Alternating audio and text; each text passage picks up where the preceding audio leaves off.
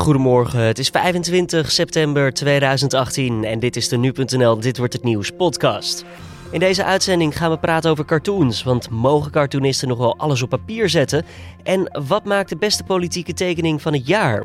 Daar draait namelijk de Inktspotprijs over. We gaan bellen met de juryvoorzitter. Nou, de laatste drie jaar is er heel duidelijk sprake van een trend. En dat is uh, Donald Trump. Die man is natuurlijk zelf een soort uh, wandelende cartoon. En we leggen even contact met Oostenrijk. Daar gaan namelijk vandaag de Nederlandse vrouwelijke wielrenners strijden voor medailles op het tijdrijden tijdens het WK wielrennen. En we kijken ook nog eventjes vooruit naar de mannen die een dag daarna van start gaan. Nu eerst het belangrijkste nieuws van nu. De Nationaal Coördinator Groningen, de NCG, moet van minister van Economische Zaken Erik Wiebes de afhandeling van aardbevingsschade aan woningen goed en snel verhelpen. Dat schrijft Trouw. Er kunnen nu afspraken gemaakt worden met de gedupeerden. Sommige huizenbezitters wachten hier al maanden op. Tevens zal het staatstoezicht op de mijnen vaststellen welke woning onveilig is. Die taak lag eerst bij de NAM, een constructie die in Groningen weinig positief werd ontvangen. Zorgverzekeraar DSW verhoogt de zorgpremie voor volgend jaar met 4,5 euro naar 112 euro per maand. Dat is een ruime 7 euro minder dan de voorspelling van het kabinet. De belangrijkste reden van de stijging is dat de lonen in de zorg stijgen. Dat stelt de directeur van de zorgverzekeraar in de Telegraaf. Ook moeten nieuwe uitvindingen worden vergoed van de hogere maandlasten, al dus de directeur. Luka Modric is maandag op het FIFA-gala in Londen uitgeroepen tot wereldvoetballer van het jaar. De middenvelder van Real Madrid kreeg de meeste stemmen van bondscoaches, aanvoerders, journalisten en fans van de FIFA-landen. Het is voor het eerst sinds 2007 dat niet Cristiano Ronaldo of Lionel Messi de prijs won. Beide sterspelers wonnen elk vijf keer. Militairen moeten zelf hun winterkleding aanschaffen, dat schrijft de Telegraaf vandaag. Het ministerie van Defensie bevestigt in de krant dat dit niet de bedoeling is, maar dat het wel gebeurt deze winter. Het bedrijf dat Defensie gebruikt heeft de bestelling niet tijdig afgekregen. De militairen kunnen de kosten later wel declareren, maar zullen eerst ruim 1000 euro moeten voorschieten. En dan kijken we naar de interviews van vandaag, oftewel dit wordt het nieuws.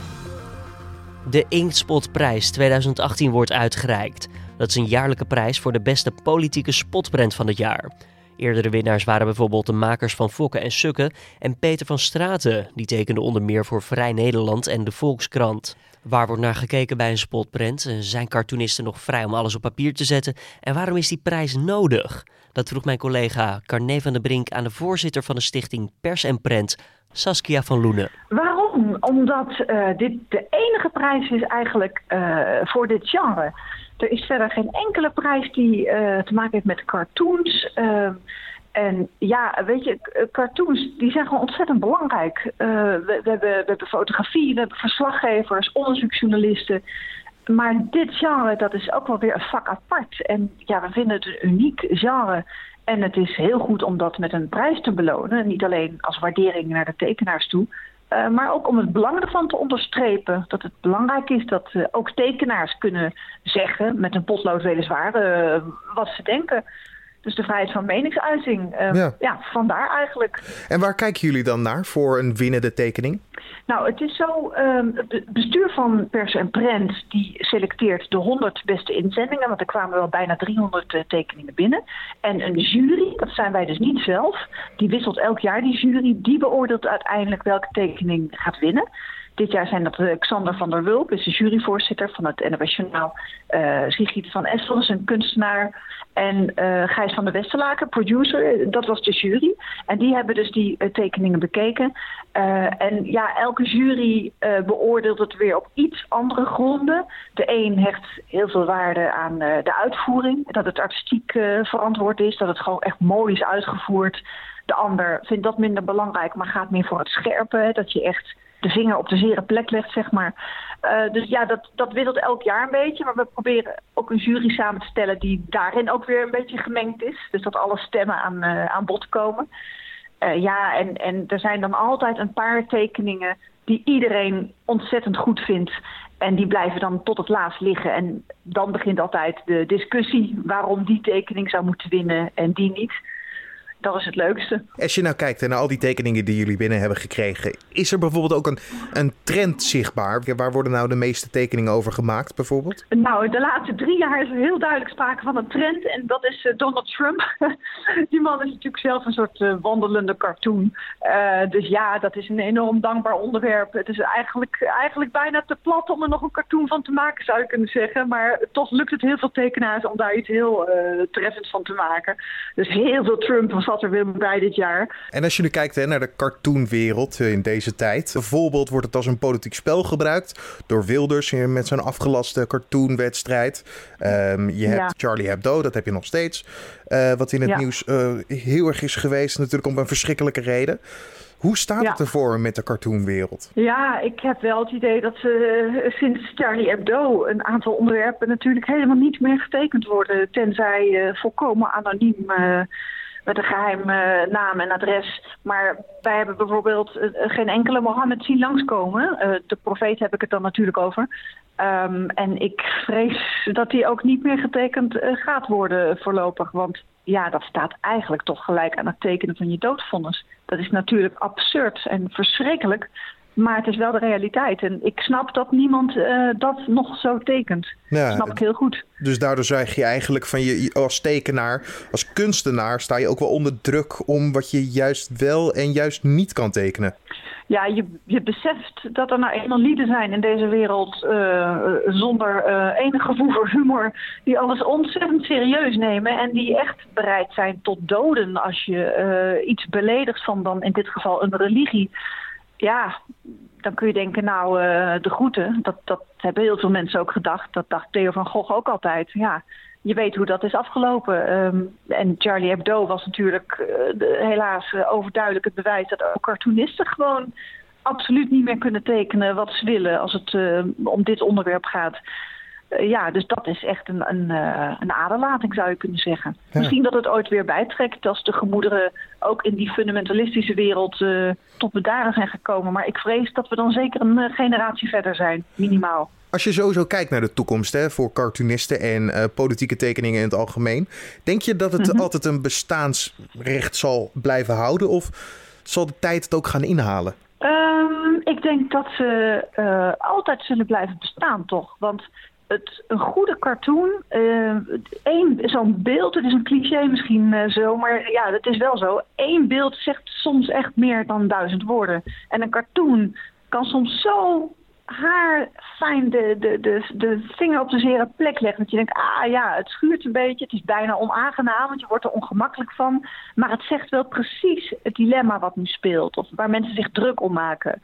Dus ik denk uh, dat de cartoon niet uitsterft, nee. Dat daar altijd uh, creatievelingen zullen zijn die denken... ja, maar dit, dit kan ik heel mooi in een beeld vatten, dit, uh, dit probleem wat nu speelt. Je hoorde Saskia van Loenen, voorzitter van de stichting Pers en Prent. Mocht je de tekeningen nou in het echt willen bewonderen, dat kan, want vanaf 5 uur is de prijsuitreiking in Nieuwsport in Den Haag. De toegang is gratis en mocht je daar niet bij aanwezig kunnen zijn, dan kan je ook de winnende tekeningen een uurtje later online zien op de website van Pers en Prent. Het WK wielrennen is deze week van start gegaan en er is veel kans op Nederlands succes. Bijvoorbeeld bij het WK tijdrijden voor vrouwen en bij tijdrijden voor de mannen. Belangrijke namen daarbij zijn bijvoorbeeld Annemiek van Vleuten, Chantal Blaak en Tom Dumoulin. En dat is slechts een fractie van het aantal Nederlandse deelnemers. Het WK is in het Oostenrijkse Innsbruck en daar is ook nu sportredacteur Daan de Ridder. En Carne van der Brink vroeg eventjes wat we kunnen verwachten de komende dagen. Nou ja, normaal gesproken wordt dat een groot uh, oranje feest. Dat doen uh, omdat we ook de titelverdedigers er in huis hebben in Nederland. Annemiek van Vleuten mogen er liefst vier vrouwen uit Nederland meedoen. En uh, ja, je zou uh, eigenlijk zonder overdrijven kunnen stellen dat ze alle vier uh, podiumkandidaat zijn. Nou ja, ze zullen in ieder geval niet alle vier op het podium komen. Maar ja, de, de topfavoriet is Nederlands. Dat is Annemiek van Vleuten, titelverdedigster. Nou, de, de, haar grootste uitdager is eigenlijk al het hele seizoen. Of maar wel op de tijdrit of gewoon überhaupt in, in wedstrijden. Is Anna van der Breggen. En dat zal normaal gesproken vandaag niet anders zijn. En dan heb je nog eh, Ellen van Dijk, die was eh, vijf jaar geleden wereldkampioen uh, tijdrijden. Is ook een keer tweede geworden, twee jaar geleden geloof ik. En dat is ook gewoon een hele goede, goede tijdrijder. Die is blij dat er niet heel veel geklommen hoeft te worden, hoewel we in Oostenrijk zitten. En ja, de vierde Nederlandse Lucinda Brandt, een beetje een outsider. Maar als zij een goede dag heeft, kan ze ook op het podium rijden.